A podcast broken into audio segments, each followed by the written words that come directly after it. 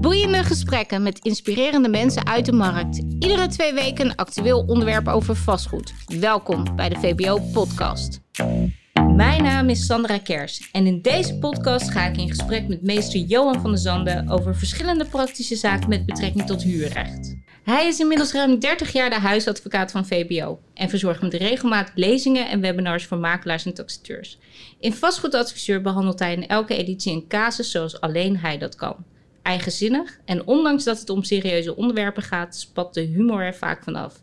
Vandaag ga ik het met hem hebben over de wet en regelgeving met betrekking tot de verhuur van onroerend goed. Want dat is niet eenvoudig.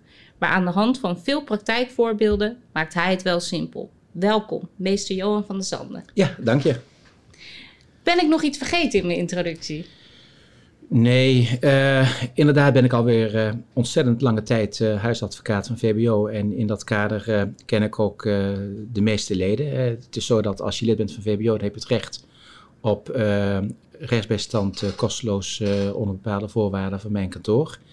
we zijn advocaat, dus het, is, het, advies wat wij kunnen verstrekken is praktijkgericht. We weten ook meteen hoe je een zaak kunt oppakken. Dus niet alleen maar een juridisch advies, maar ook een praktisch advies hoe je je recht gaat, uh, gaat binnenhalen. Naar welke rechten moet je gaan? Wordt het een kort geding? Moet je wel of niet uh, beslag leggen? Is het nodig om nog eerst getuigd te horen, ja of nee? Uh, en leden mogen daar gebruik van maken. We zijn daar heel erg liberaal in. want VBO vindt het belangrijk dat de makelaars zich goed kunnen profileren naar hun opdrachtgevers toe. En ehm, wij als advocatenkantoor leggen dan ook voor de makelaarsleden van VBO de lat laag om ons te bellen. En we zeggen ook als je uh, vragen hebt die ook voor de opdrachtgevers van belang zijn, dan uh, geven ook de opdrachtgevers uh, kosteloos advies. Daar doen we nooit zo moeilijk over. En dat is natuurlijk een hele belangrijke unique selling point voor een VBO-lid, makelaar, die dan de opdrachtgever ook een toegang geeft tot een professioneel landelijk werkend advocaatkantoor. Nou, dat is het zeker. We gaan het vandaag hebben over huurrecht. Dus volgens mij bent u veel te bescheiden.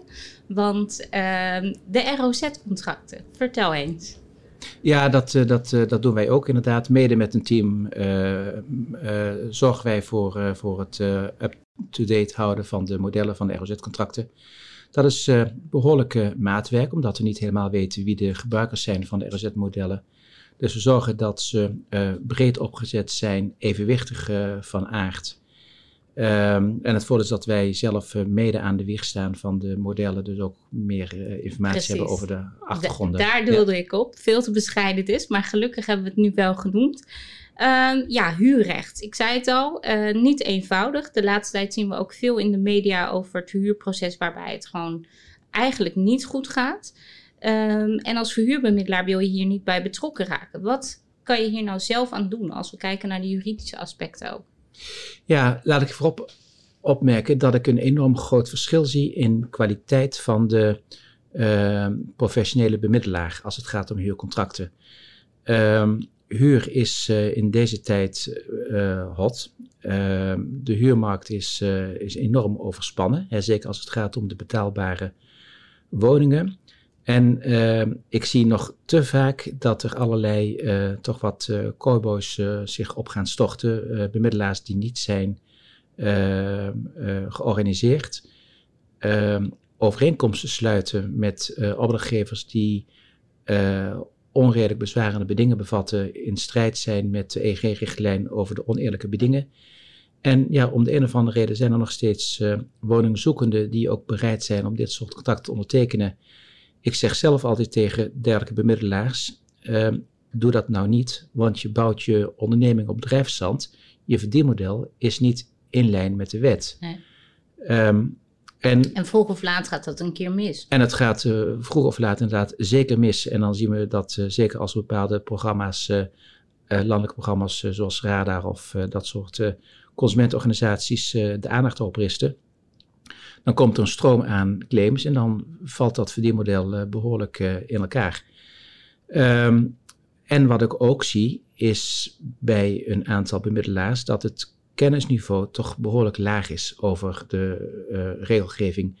Er worden modellen ehm, uit de kast geplukt, ehm, niet goed gehanteerd, er wordt geen goede toelichting gegeven.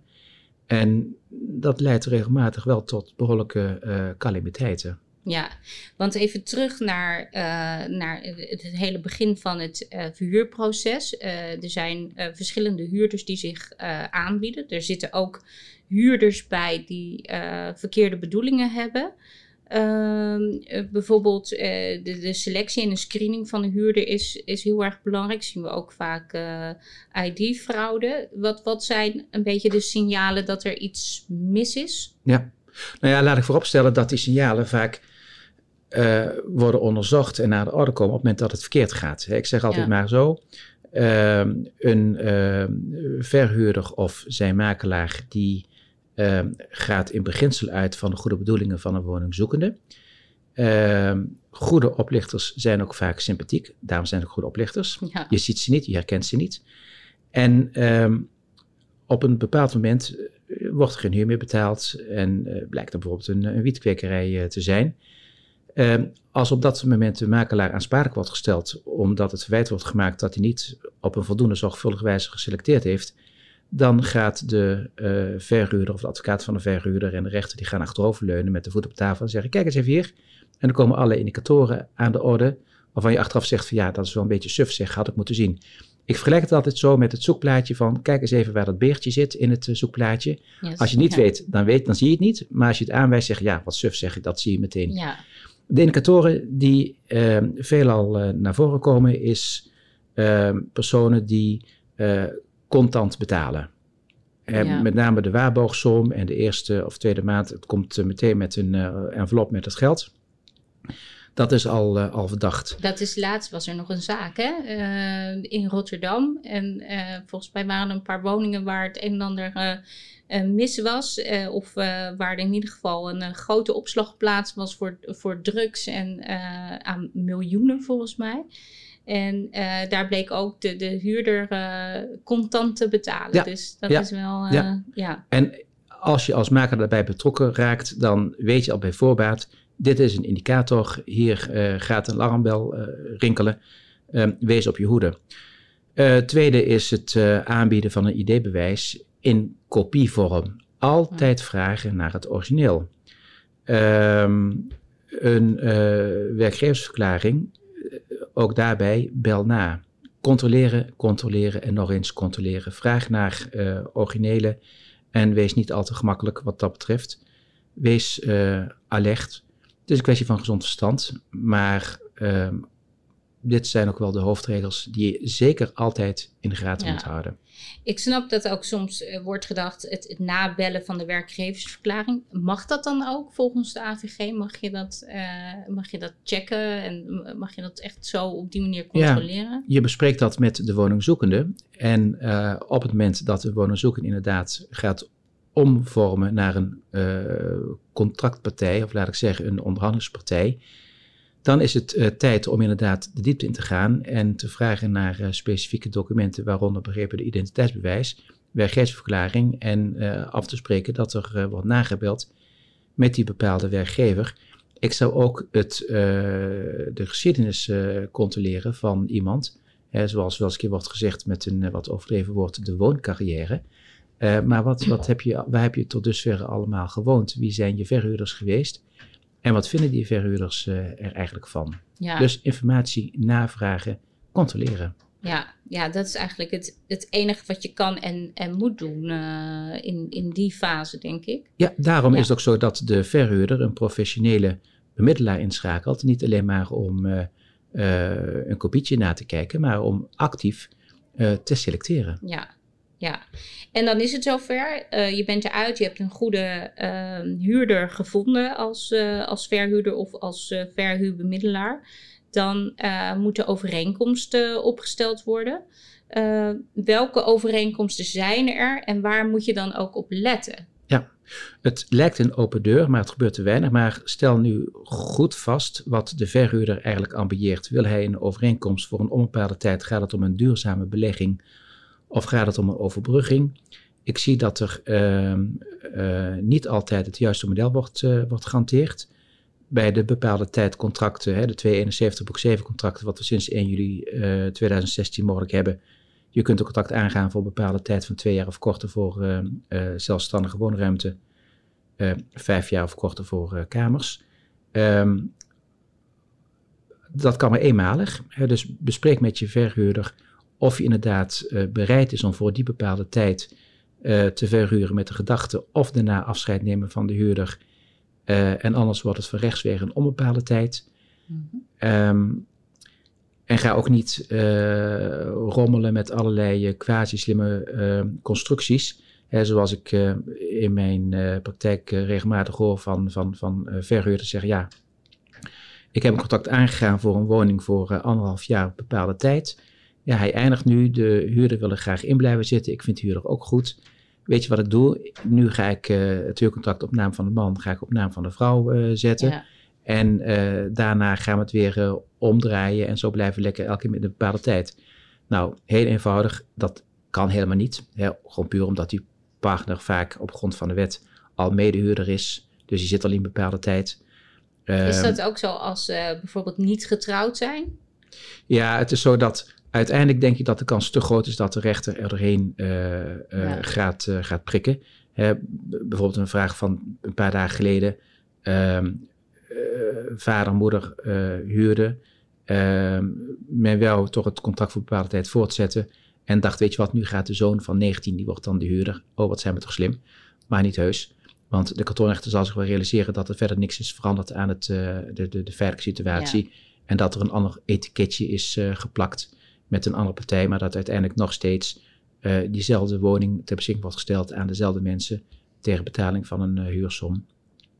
En dat het dan nu is een van de medebewoners, dat is dan niet uh, voldoende om te stellen dat er weer een hele nieuw huurcontract is nee, afgesloten. Precies. Dit soort ehm, constructies waarbij je allerlei ehm, nou ja, probeersels gaat uittesten. ik zou dat als makelaar niet, niet, niet aan gaan beginnen. Want ben je dan als makelaar, als je, als je daaraan meewerkt, ben je dan ook aansprakelijk?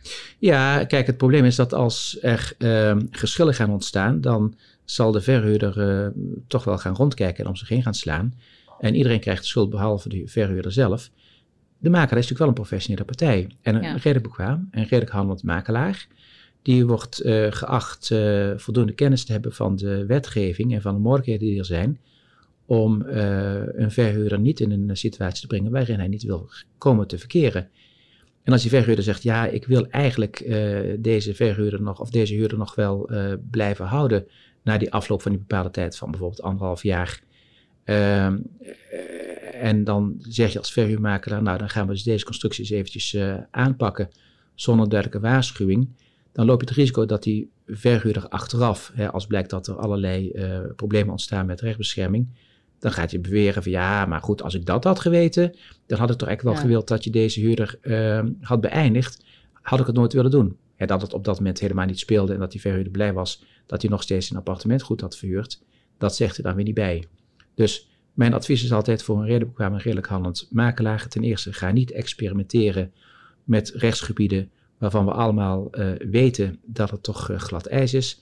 En de tweede, uh, wie schrijft, die blijft als een opdrachtgever een bepaalde wens heeft en je weet dat daar uh, twijfel aan is, leg het altijd vast. En ja. waarschuw je. Zeg gewoon dat wat de verhuurder wil, dat het uh, maar zeer de vraag is of dat op deze wijze te verwezenlijken is. Waarschuw hem of haar voor de uh, nadelige effecten. En dan zul je zien dat die opdrachtgever toch alsnog inderdaad kiest voor die misschien wat vreemde constructie. Moet hij dan allemaal zelf weten, mm -hmm. zijn verantwoordelijkheid. Maar als makelaar heb je in ieder geval duidelijk gewaarschuwd. Ja, en uh, u zegt leg het altijd vast. Uh, wat kan je bijvoorbeeld allemaal vastleggen in een dergelijke overeenkomst? Nou ja, kijk, als het gaat om bijvoorbeeld de vraag van bepaalde tijd of onbepaalde tijd. Uh, inventariseer wat nou die verhuurder precies wil. wil hij graag dat hij zeker na verloop van tijd af is van deze huurders? Dan kies je voor de 271 contract, hè, dat contract voor bepaalde tijd. Maar het kan ook zomaar zijn dat die verhuurder zelf door omstandigheden uh, buiten de woning gaat verblijven, in het buitenland of in een ander deel van het land. En dan kies je voor de diplomatenclausule. Hè, die is ook ja. uh, verruimd sinds 1 juli 2016. Het was daarvoor zo dat je maar eenmalig een uh, contract kon afsluiten voor bepaalde tijd. Die moet je wel opzeggen, hè, met alle toetsen en bellen. Als de huur niet akkoord gaat, moet je naar de kantonrechter. Maar de kans is uitermate groot dat het gaat lukken en dat inderdaad die huurder die de diplomatenclausule heeft getekend ook eruit zal gaan moeten. maar dat kon maar eenmalig. Nou, sinds 1 juli 2016 kun je dat soort contracten nog gaan verlengen. Mits je dat wel mhm. voortijdig met de huurder uh, overeen uh, uh, komt.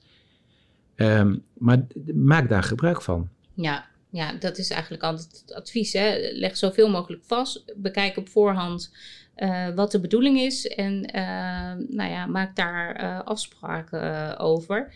Bijvoorbeeld ook over de waarborgsom. Daar zijn volgens mij ook nog wel eens wat vragen over. Ja, ja, ja, ik denk dat wat dat betreft in ieder geval zorg dat te alle tijden voordat je overeenkomst ingaat, de waarborgsum is ontvangen.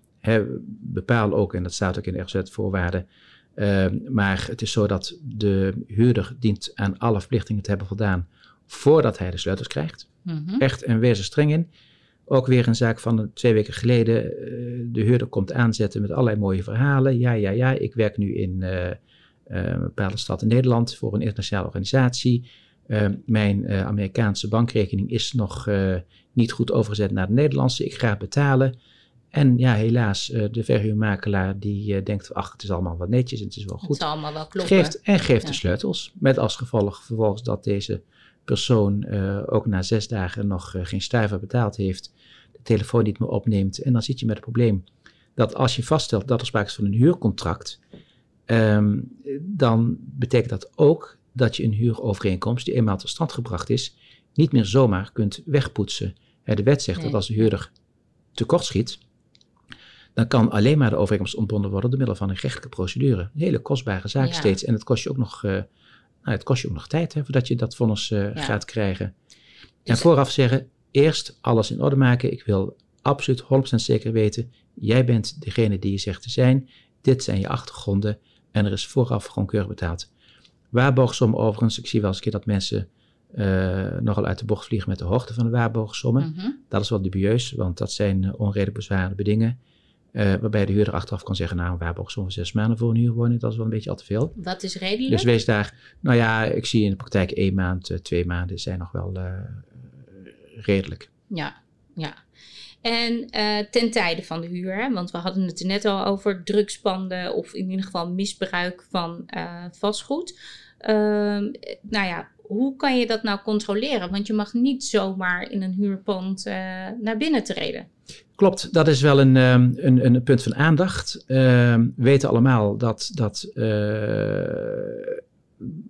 nogal nou ja, best wel regelmatig een huurwoning wordt misbruikt voor het exporteren van een wietkwekerij. Het gaat om flinke bedragen. Het zijn goede inkomsten. Het is zo dat in bepaalde gebieden, steden als Rotterdam bijvoorbeeld, daar zijn, ik meen, het is informatie heb ik een paar jaar geleden van een compensatie gekregen. Ik meen dat hij zei, we hebben enkele invallen per dag, maar we kunnen gewoon veel meer doen. Alleen we hebben de capaciteit niet. Nee, het, is, het, is, het is ongelooflijk. Maar het gaat ook om, om, om, om best wel veel geld en op een uh, redelijk eenvoudige manier te, te, te verdienen. Ehm, en de consequenties zijn enorm zwaar. Ja. bedenk eens ehm, niet alleen natuurlijk de, de, de vernieling van je hele pand met allerlei uh, rommel wat wordt ingebracht aan, aan uh, grond voor die, voor die planten. Ja, je herkent het bijna niet meer terug. Het is ongelooflijk. Ja. Eén grote bende uh, illegaal energie afgetapt. Hè, en dan OW, de verhuurder, die heeft afgesproken dat het, huurcontract, of het energiecontract op zijn naam bleef. Nou, dat, dat, dat, zijn, dat zijn enorme schades. Met afsluiten, energiebedrijven dat je op de zwarte lijst zet. Ehm, maar ook nog een keertje het zogenaamde bevoegd gezag, dat uh, op een hele nare manier voor de verhuurder reageert. Het is een jaar of acht geleden geweest, meen ik, of tien jaar geleden, misschien wanneer. Maar ik kreeg toen een keer een telefoontje van een, uh, van een verhuurder uit het noorden van het land. En die zegt van ja, meneer Van der Sande, uh, ik heb hier een uh, enorme schade. Mijn, mijn, huis is verhuurd en er blijkt een, iemand te zijn die is met de Noorderzon vertrokken. die heeft daar een wietkwekerij opgezet. het huis is behoorlijk kapot. Uh, flinke energienota. En ik krijg nou een brief van de burgemeester, waarbij hij dacht dat is slachtofferhulp.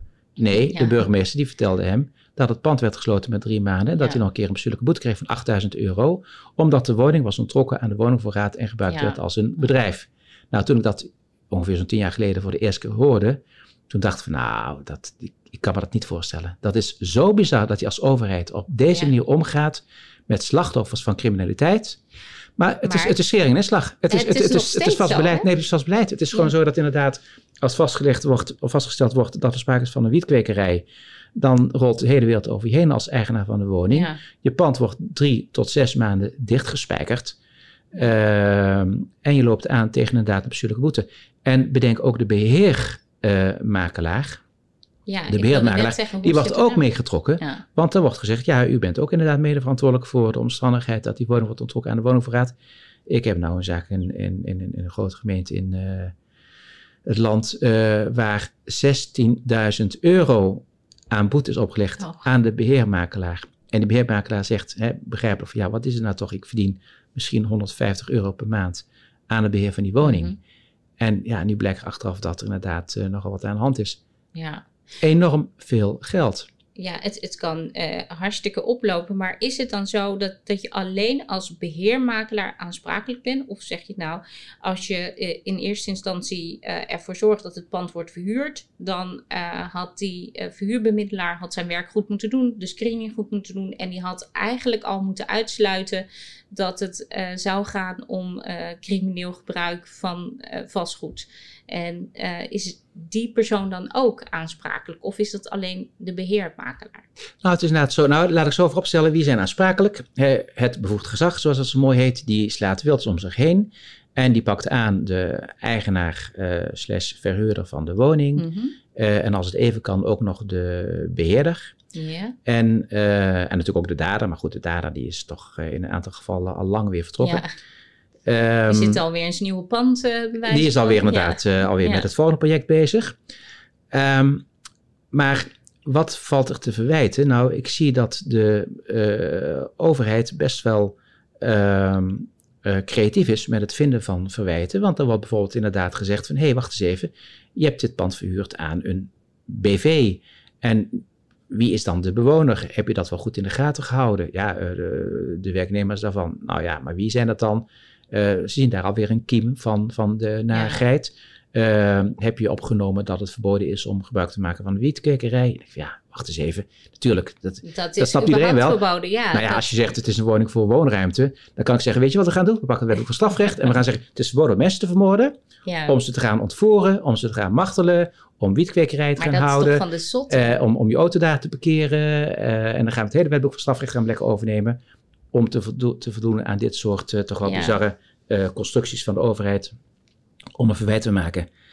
En een ander verwijt, hè, dan, dan, dat is dan aan het begin van een overeenkomst. Maar een ander verwijt dat gemaakt kan worden is, en dat was het begin van je vraag, het controleren. ja. Hè, want inderdaad, dan eh, wordt van een verhuurder, en dus ook van een beheermakelaar, toch wel verwacht dat regelmatig wordt gecontroleerd of inderdaad de woning als zodanig wordt gebruikt en niet voor illegale praktijken. Maar als je de toegang niet wordt gegeven of, of als eh, men eh, niet thuis eh, is, je kan niet zomaar daar binnen stormen. Nee, het is zo dat eh, inderdaad, je hebt natuurlijk het, eh, het, het, het, het woonrecht. Hè? Mhm. Als het gaat om een woning, dan, dan, dan, dan zou het huisvredebreuk zijn. En gaat het om een kantoor dergelijke, dan is het lokaal vredebreuk. Als je zegt, weet je wat, Ja. ik ben de verhuurder. Ik heb even een paar stevige laarzen gekocht en die trap de deur in. Want ik ben toch de verhuurder, ik mag het wel. Nou, helaas, dat, eh, dat mag niet. Of nou, helaas, gelukkig niet. Hè? Nee, staat die dat zou een beetje te-. Ja, het zou de andere uiterste zijn. Maar ehm, ja, als je dat niet hebt besproken, niet vastgelegd in de overeenkomst, dan heb je een probleem. Eh, een voorbeeldje van een paar jaar geleden. Er was een verhuurder die zegt, ja, ik wil toch eens een keer gaan kijken wat de huurder allemaal aan het doen is. En ik eis nu maar eens een keer een kort geding dat ik toegang krijg tot, het, eh, tot de woning. Want ik vind het zo gek, het is allemaal geblendeerd en eh, ik vind Ja. het maar wat, wat Er zijn vreemd wat ruiken en zo. dat Ja. het niet helemaal ja, klopt. ja. Ja. Maar die verhuurder heeft toch heel wat moeite gehad. Want toen zei de eh korte dingrechter, ja, maar ik zie helemaal geen rechtsgrond. Hè? U bent een verhuurder, u geeft het eh, beschikking aan de, aan de huurder. Eh, en kijk, als het dan gaat om eh, dringende reparaties, omdat er van alles nog wat eh, flink aan het lekken is, dan kan ik me dat nog wel voorstellen. Maar ja, waarop baseert u nou eigenlijk uw stelling dat u eh, eh, periodiek eh, de woning mag betreden? U hebt geen beding eh, afgesloten. Dus dat zijn dan wel wat lastige eh, zaken. Binnen de ROZ hebben wij een, ik denk alweer een jaar geleden ongeveer, een anti-ondermijningsbepaling eh, gemaakt. Zowel voor bedrijfshuur als voor eh, woninghuur. En daar hebben we het zo bepaald dat ehm, de huurder is gehouden om op verzoek van de verhuurder regelmatig toegang te verlenen voor het uh, controleren, het, op, de, de, de, naleving van het, van ja. het gebruik. En wat en is we, dan regelmatig? Ja, daar kom ik zo meteen even op. Okay. Ja. ja. Maar, en hoe moet dat dan gebeuren? Hè, het mag niet zo zijn, hè, wat, wat het toch wat vreemde misverstand nog steeds is, dat een verhuurder zegt, ik heb het recht om de woning te betreden, dus je moet open doen. En die huurder doet bangerig open en die houdt de deur een beetje dicht. En zegt de verhuurder, nou ik kan lekker houden duwen dan jij aan de deur. En ik loop er lekker naar binnen, want ik heb dat recht. Nou, dat, dat, dat is natuurlijk niet zo. Uh, we hebben het zo geregeld in het, in het anti-ondermijningscontract op bepaling clausule. Dat uh, de verhuurder die stuurt een bericht aan de huurder. Die geeft dan aan, ik wil gebruik maken van het inspectierecht. En stelt dan een bepaalde data voor. En de huurder dient erop vervolgens te reageren en medewerking te verlenen aan het toelaten van de verhuurder tot de woning op straffen van een boete uh, onverminderd het recht van de verhuurder ja. om nakomen te verlangen en eventuele ontbinding uh, en schadevergoeding als de huurder niet nakomt. En zou de huurder mm -hmm. niet nakomen, dan kun je zeggen, nou ik heb gewoon in korte dingen het recht om die woning te gaan, gaan inspecteren. Of ik heb de mogelijkheid om op grond van slecht huurderschap ehm, de huuroverkomst op te zeggen, want je hanteert strijd met deze bepaling. Ja. dus daarmee heb je in ieder geval een goed middel om in ieder geval te beginnen. Het is ook wel van belang natuurlijk dat je een beetje op korte termijn kunt gaan inspecteren. Want als je zegt, ik kom kijken en dan zegt die huurder, nou het komt nu een beetje slecht uit. Uh, kom over... Uh, Drie maanden maar terug. Ja, want dan is, zijn ja. zijn hendelplantjes weer uitgebloeid ja. en heeft hij dan weer lopen knippen en opgeruimd. Dat is natuurlijk niet de bedoeling. Lopen knippen. Ja. En dan de volgende vraag inderdaad, hoe vaak moet dat nou gebeuren? Dat is een, best wel een, een lastige. Om de zoveel tijd, dat uh, plantjes groeien dan. Ja, ik meen dat, ik, ik heb er niet zoveel verstand van, maar ik dacht dat om de drie maanden of zo zo'n zo'n zo'n plant bloeit en, en dat je ik moet knippen. Geen idee. Je hebt geen, nee, geen nee, bijverdiensten? nee. nee. Nee. Maar ik dacht iets van zoiets van, van drie maanden of iets dergelijks. Um, de Raad van State, hè, want deze procedures die komen, of deze vraagstukken komen regelmatig bij bestuursrechtelijke zaken. Hè, namelijk in het sleutel van uh, de overheid die ziet dat er sprake is van hennenkwekerij. Die zegt tegen de verhuurder, nou foei, hè, jij bent eigenlijk medeplichtig, je hebt het gewoon niet in de gaten gehouden. We gaan eens even bij jou uh, claimen, uh, boete. En dan zegt die, huur, die verhuurder, ja, wacht eens even, mij, mij is toch geen uh, verwijt te maken. Ik heb toch heel braaf regelmatig gecontroleerd. Nou, vertel dus even, wat, wat verstaat je onder regelmatig? Nou, elke vijf jaar. Ja, dat ja. is regelmatig, maar onvoldoende regelmatig. Ja. Dus de vraag is, wat is regelmatig? Uh, sommigen zeggen dan, nou, dat moet je dan doen tegen de tijd dat die plantjes gebloeid zouden kunnen hebben en dan net daarvoor. Maar dat wordt allemaal wel iets te veel van het goede. De Raad van State die heeft daar geen duidelijke uh, termijn voor gegeven. Uh, we hebben er binnen nog over nagedacht, moeten we bepaalde termijnen noemen, maar dat vonden we iets te uh, riskant om dat zo in beton te gieten. Ik denk zelf dat je mag zeggen dat zo elke zes maanden, dat zou toch wel, wel redelijk zijn. Dat is realistisch, ja. ja. En natuurlijk wel ook afhankelijk van de, van de indicatie die je krijgt, maar ook als je geen indicatie krijgt, elke zes maanden. Overigens, een tip voor de beheermakelaar. Mm -hmm. En we hebben net besproken dat die beheermakelaar ook gevonden wordt door het uh, overheid om nog eens uh, wat geld te doneren in de ja, plaatselijke gemeentelijke ja. kas. Um, ik denk dat het goed is als die beheermakelaar, als je een contract afsluit met de verhuurder, nauwkeurig omschrijft wat de beheeractiviteiten omvatten.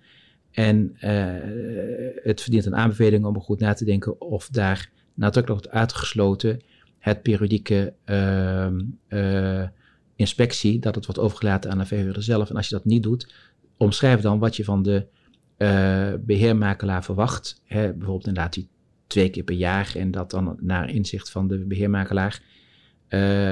maar er moet ook wel een bepaalde betaling tegenover staan, want ja. het, het, kost een hoop tijd. Nou, om, om, om, hey, je moet, die, die, die huurder moet je nog zover ja. krijgen om die deur open te gaan doen. Dus dat, dat voorbereiden ben je alweer een, pakweg een uh, uur mee kwijt met over en weer uh, gaan mailen. En dan natuurlijk nog een keer erheen gaan, uh, de zaken bekijken. Je ja, bent natuurlijk snel binnen en buiten. Maar... eenvoudiger dan, de, of tenminste, het, het, is natuurlijk vrij makkelijk, maar het is wel tijdrovend. nou ja, als je, als je 150 woningen in beheer hebt, ja. dan is het toch wel een dingetje. Ja, wat je precies. daar hebt, dan kun je daar iemand voor in dienst nemen. Ja. Maar het risico wat je loopt is enorm. Enorme boetes zijn het. Ja, ja dat, dat is mij ook opgevallen inderdaad. Uh, maar eigenlijk komt het er dus weer op neer. Vastleggen, vastleggen, vastleggen in een contract. Ja, exact, precies. Ja. ja en dat vastleggen doe je ook in feite kijkend naar dat bevoegd gezag. Want als je wordt, uh, het verwijt wordt gemaakt dat je beherend makelaar bent en dat je dus niet hebt voldaan aan de verplichting om te inspecteren, dan zou het wel kunnen uh, helpen dat als die verhuurder, opdrachtgever, niet bereid is geweest om je daarvoor te betalen, dat je daarvoor dan een clausule opneemt en zegt, nou dit valt er niet onder, dat is uw eigen verantwoordelijkheid. Ja. Of, of inderdaad maar het, het sluit je daarmee en- dan alles uit? Dus uh, in het geval dat er dan zo'n wietplantage is of iets en uh, dat staat vastgelegd, dat de verhuurder dat zelf doet, ben je dan gelijk als, als makelaar vrijgepleit? Nou ja, wat ik al zeg, het is een beetje het uh, zoeken van het beertje in het, op het plaatje. Uiteindelijk, als er sprake is van een malafide huurder, dan gaat men eens even heel goed kijken naar het dossier. En ja, er is altijd wel wat te vinden. Er is inderdaad, uh, wie vindt, die, die, die, wie zoekt, die vindt Ja, wel wat. Ja. ja. Ja. Ja. Nog een andere opmerking ook met die wietkwekerijen, wat ook nog een hele ongelooflijk vervelende uh, effect heeft. En niet alleen dat hele huis wat kapot is, die energietoestand, uh, het sluiten en, en de boetes, maar het huis ook niet eens verzekerd. He, bedenk Oh, dus ja. dat op het moment dat er een wietkwekerij zit en er sprake van een bepaalde calamiteit zoals een brand, de verzekeringsmaatschappij zegt van hé, hey, wacht eens even, uh, wij verzekeren een woning, maar we verzekeren geen illegale praktijken of een uh, kwekerij. Dus dat is een verzwaring van het risico. Je hebt het niet gemeld, wij vernietigen de overeenkomst. Het is zelfs zover, uh, een zaak die ik zelf uh, ook onder handen heb, waarbij mijn cliënt heeft een mooi groot pand verhuurd aan een aantal mensen. Er breekt op een nacht brand uit. Nou, de bewoners zagen dat een oude koelkast in brand stond. Dus dat was de oorzaak van de brand. Het is niet te wijten aan een. Het was, sterker nog, uh, brandweer die gaat blussen. De helft van het pand is uh, verloren. Schade van ongeveer zo'n 800.000 euro. De brandweer die gaat nog eens even verder kijken en treft een uh, gesloten kamer aan. Die was niet verwoest door de brand. En daar zat inderdaad een wietkwekerij. Nou, Ja. politie erbij. eh, dan wordt onderzocht in hoeverre dat de verhuurder eh, erbij betrokken zou kunnen zijn. Hè, dan zegt de opiumwet is ook weer veranderd. Die zegt dat als sprake is van een ernstig verwijt wat gemaakt kan worden aan de verhuurder, dan kan die eventueel strafrechtelijk nog worden vervolgd. Ehm, het pand werd, werd gesloten, er werd een boete opgelegd. En eh, nou, toen kwamen nog eh, twee hele vriendelijke meneren van het schade-expeditiebureau. Zeiden, "Hè, meneer, wat vervelend allemaal. En eh, we gaan eens even kijken. En ik heb nog iets eh, gehoord over een eh, wietkwekerij. Wilt u ons dat laten zien? Tjonge, tjonge, tjonge, wat vervelend allemaal. Wat ziet dat er professioneel uit? Eh, we leven met u mee. En eh, vier dagen later kwam het rapport.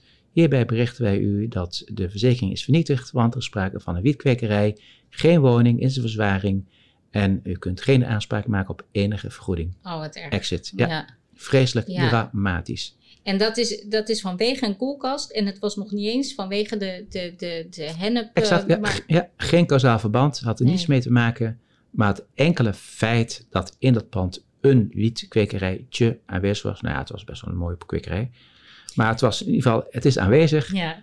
je bent niet meer verzekerd. Het gaat wel- Nachtmerries. Ja, het, en het gaat ook wel heel ver. Want je zou bijna zeggen van nou, ik durf mijn panden niet meer te verhuren. Want eh, het komt heel veel voor. Eh, wanneer het voorkomt en eh, nou ja, goed, je, je bent er dan als verhuurder bij betrokken. Eigenlijk ja, ben je eigenlijk altijd wel, word je altijd mede schuldig gevonden. Je hebt, je hebt een enorme hoeveelheid narigheid. Kijk, niet verhuren is ook verder geen, geen goede mogelijkheid. Want het pand is ook wel bedoeld om eh, geld op te leveren. Maar wat ik wel eens een keer zie bij bepaalde verhuurders, en dat zijn niet per se kleine verhuurders, maar ook wat grote verhuurders, die zeggen: als wij zien dat er sprake is van wietkwekerij, dan gaan we er geen werk van maken. Wij zeggen tegen die bepaalde huurder, beste huurder, ik heb wat gezien. Ja, Ik geef jou drie dagen de tijd om het echt netjes op te ruimen. En eh, gewoon en op te Wegwezen. en, en weggaan. Wegwezen. Ja. En eh, over drie dagen kom ik terug en dan verwacht dat alles eh, in kan en kruiken is. ja, Met als nadelig effect dat inderdaad deze huurders die, die dan toevallig betrapt zijn, inderdaad eh, vertrekken. Misschien hè, opruimen, dat hebben ze nooit, nooit echt van gehoord, dus dat doen ze dan weer niet. Ehm, maar vervolgens eh, worden ze niet geregistreerd en eh, gaan ze verder met hun praktijken bij een andere verhuurder. Ja. En die huurder die denkt van ja, ik zie daar dat huis, wat een narigheid. Ik kan nu twee dingen doen. Ik kan aangifte doen bij de politie. Nou, dan weet ik in ieder geval dat ik een halve dag kwijt ben van mijn tijd voor die opgave. En En ik weet dat ik een paar dagen later een hele fijne brief ga krijgen van de burgemeester. Waarin hij zegt dat mijn pand gesloten is. En ik weet dat ik ook nog een hele fijne brief krijg van diezelfde burgemeester. Die zegt dat ik bestuurlijke boete ga krijgen. Ja, weet je wat. ehm, ik Laat ga, maar. Laat maar, ik ga het Ja. opruimen en eh volgende keer beter opletten. Maar, Maar het effect is wel dus dat dit soort praktijken Ja. niet meer bestraft worden. Het wordt niet meer geregistreerd. En eh dergelijke huurders die, eh, die gaan vrolijk eh, verder. Hele Ja, dus het is eigenlijk op korte termijn is, is dat iets eh, wat, wat eh, de verhuurder overweegt om niet met al die toestanden voor de rest eh, in aanraking te worden gebracht. Maar voor de vastgoedmarkt is dat natuurlijk gewoon dramatisch. Want het Ja. gaat maar door en door Precies, en door. ja. En zo kom je er eigenlijk eh, nooit vanaf. Is er dan iets wat, ehm, als we het u vragen, de regelgeving hier omtrent en al die procedures en nou ja, goed wat hier om. Zou er iets zijn wat er eigenlijk zou moeten veranderen, eh, zodat dit, eh, nou ja, dus, zodat dit minder vaak voorkomt of eh, dat, je, dat de verhuurder minder snel aansprakelijk wordt gesteld? Hoe zouden we dat nou kunnen aanpassen? Ja, dat is natuurlijk best wel een, een lastige. Ehm, kijk, er zitten ook wel verhuurders bij die, die, die gewoon malafide zijn. Hè, die het allemaal niks interesseert en voor eh, veel Als ze maar geld... hun geld krijgen. Precies, Ja. hè, ze verhuren, ze willen niks weten, ze willen niks zien, ze willen gewoon hun eh, geld hebben. En als het per, eh, per envelop wordt gegeven, zijn ze net zo blij als dan het per giraal gaat. Ehm, dus in die zin is het wel van belang dat er nog steeds een, een bepaalde mate van handhavend optreden is. Maar ik zou wel zeggen, neem wel de menselijke maat in acht voor de kleine verhuurder, voor de particulier, die het slachtoffer is eh, van dit soort zware eh, georganiseerde criminaliteit. Of van die boefjes die denken van nou, ik ga eens hier wat huren en, en snel eh, geld verdienen en appelmalle deluge, bekijk het maar. Ik zou die kleine verhuurders toch echt ontzien. Want je geeft ze zo'n ontzettende trap na, dat, dat, dat hebben ze niet verdiend. Nee, dat, Dat- dat- overleven dat gaat ze sommigen denk ik ook Nee, dat is ook inderdaad. Dat is, Ja. dat is zo. En, en je kunt toch niet volhouden dat die mensen hun eigen huis gaan verhuren. En weten dat er een eh, grote puinhoop is eh, veroorzaakt. En ze dan nog een keer met drie maanden sluiting te confronteren.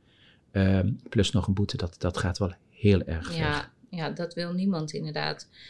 Ehm, Oké, nou ja, goed.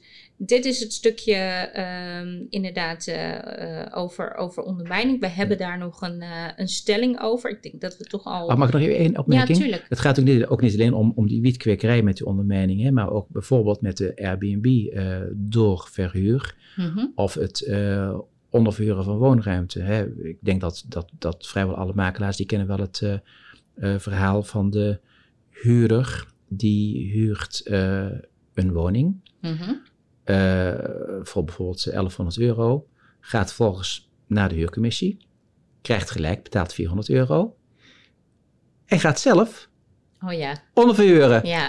dat is echt ongelooflijk zo hondsbrutaal. Ja, die, dus ik, ik, ken een verhaal, die, die, die huurt eh, een flinke woning, maar eh, nogal slechte staat. En heeft kunnen regelen dat hij bijna geen huur betaalt. En vervolgens heeft die persoon heeft gewoon van zo'n zo'n zes kamers of zeven kamers onderverhuurd. En verdient er 3000 Ja. euro per maand eh, voor. Ja, nou ja, het is, het is in ieder geval een, een soort s- slimmigheidje. Maar ja, uiteindelijk eh, is het natuurlijk niet de bedoeling dat het allemaal gebeurt. Maar Nee, en dan ben je blij als je inderdaad een goede ondermijningsclausule hebt waarin je regelmatig toezicht houdt en onderzoekt wat er gaat gebeuren. En als er inderdaad in strijd wordt gehandeld met dit soort bepalingen, en dat geldt ook voor wanbetalers, ook daarbij geldt, ik zie te vaak dat verhuurders een beetje als een konijntje in de lampen van de auto kijken, blijven stilzitten. Gewoon meteen maatregelen nemen.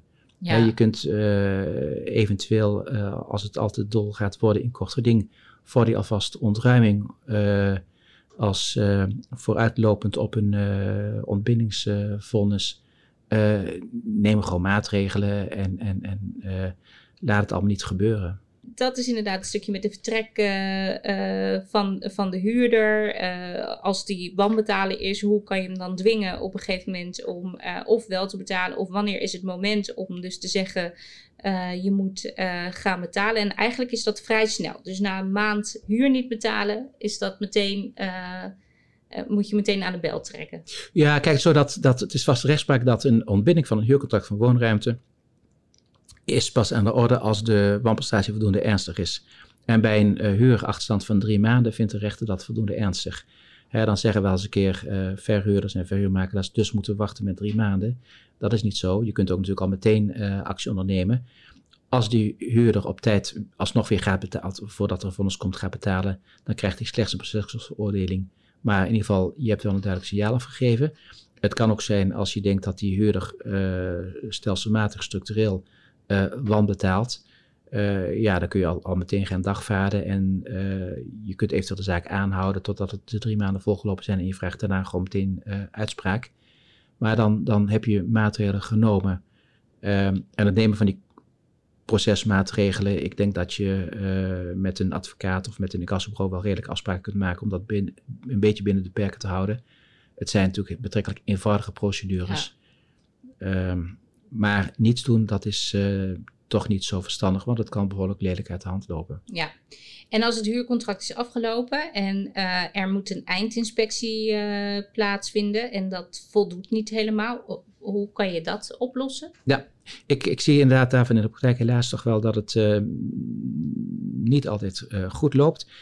Het, het probleem ontstaat vaak al als bij het aanvang van de huurovereenkomst de verhuurder heeft verzuimd om een goede opnamestaat te maken. Ja. Dat is echt van belang. Waarom? Omdat de wet uh, die bepaalt tegenwoordig dat uh, de status, de bouwkundige staat en de onderhoudsstaat van het gehuurde bij oplevering wordt vermoed gelijk te zijn aan zoals je was bij aanvang van de huur. Mm -hmm. Dus daarom is het van belang dat je vooraf ook vastlegt dat de toenmalige onderhoudsstaat ook goed was. Hè, vroeger was het zo, was het vermoeden dat de staat van het gehuurde bij aanvang goed was.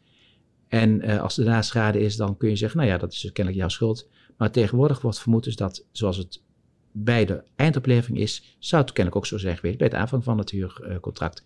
Dus ja. leg vooraf minutieus vast wat de status van het gehuurde en maak foto's. We zitten in een digitaal ja. tijdperk. Hè? Je hebt niet meer een ontwikkeld toestand allemaal met een hoop kosten. Foto's maken, filmpjes maken, uh, opslaan. Uh, druk het gewoon heel klein af. Maar als er problemen zijn, kun je zeggen: dit is hij en maak het nog groter. En dan zie je dat er wel of niet uh, in goede staat is. Dat is één. Dat is een bewijskwestie. Mm -hmm. Het tweede wat je in de gaten moet houden is altijd een zorgvuldige opleverprocedure. En dat wil zeggen een voorinspectie.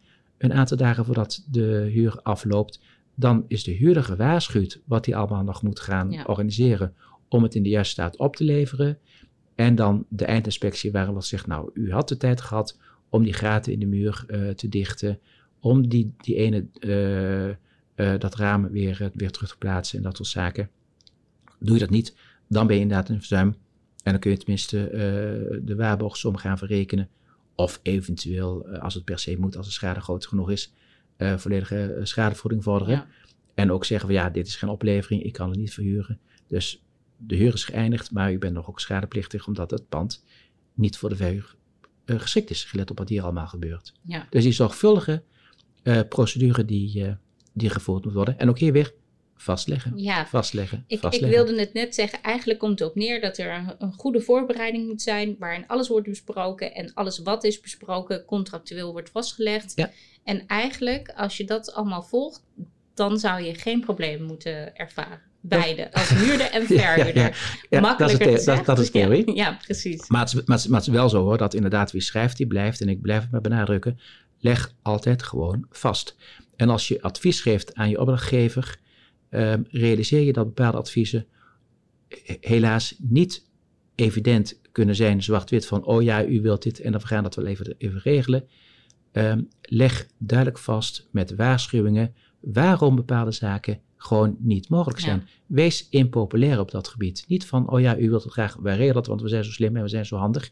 Nee, als er problemen zijn, en die zijn er best wel vaak, leg het gewoon vast en laat dan die opdrachtgever een keuze maken. Gaat het later fout, dan val je nog altijd terug op de waarschuwing die is gegeven. Ja. Ja. ja, wat dat betreft is het net als een huwelijk. Hè? Eigenlijk uh, voordat je huwt, uh, moet je de scheiding al vastleggen. En uh, ja. dan zou het goed moeten komen. Um, tot slot, uh, wij hebben altijd nog een stelling. En uh, we hebben het uitgebreid gehad over uh, de hennepkwekerijen. En nou ja, goed dat. Um, de stelling is, als er bijvoorbeeld een hennepkwekerij wordt aangetroffen in een pand, dan kan dit zorgen voor een heleboel ellende. We hebben het er net over gehad. De verhuurder wordt hiervoor zelfs aansprakelijk gesteld vanwege de onderzoeksplicht. Maar als je een verhuurmakelaar hebt ingeschakeld, moet je ervan uit kunnen gaan dat alles klopt. En ligt zowel de aansprakelijkheid als de onderzoeksplicht volledig bij de makelaar en moet de verhuurder vrij uit kunnen gaan. Ja, nou dat is gelukkig niet zo, want de verhuurmakelaar die staat niet garant voor uh, het steeds op een correcte, bona fide wijze uh, handelen door de huurder. Dus hij heeft geen soort van risicoaansprakelijkheid dat de huurder die hij heeft geselecteerd en waarmee hij bemiddeld heeft, ook inderdaad gedurende het hele uh, proces van de huurcontract uh, keurig de huur gaat betalen en zich gaat houden aan de overeenkomst. Maar, dus het antwoord is dat, dat, dat, dat is niet het geval. Maar bedenk wel dat de claimbereidheid van, van mensen behoorlijk groot is. Hè, Met een rechtbijstandverzekering is het best wel makkelijk om te proberen om nog wat geld los te peuteren bij de uh, makelaar. Met de gedachte, maar ja, ach, die makelaar, uh, soms wordt gezegd, die heeft geld zat. Of in ieder geval wordt er gezegd, hij heeft een goede beroepsaansprakelijkheidsverzekering. Dus we schoppen tegen de boom en we kijken of er appeltjes uitvallen. Ja, nou ja.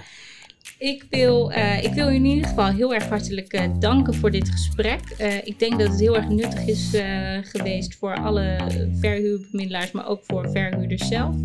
En zo komen we weer een stukje verder met elkaar en houden we de markt gewoon netjes en transparant. Ja.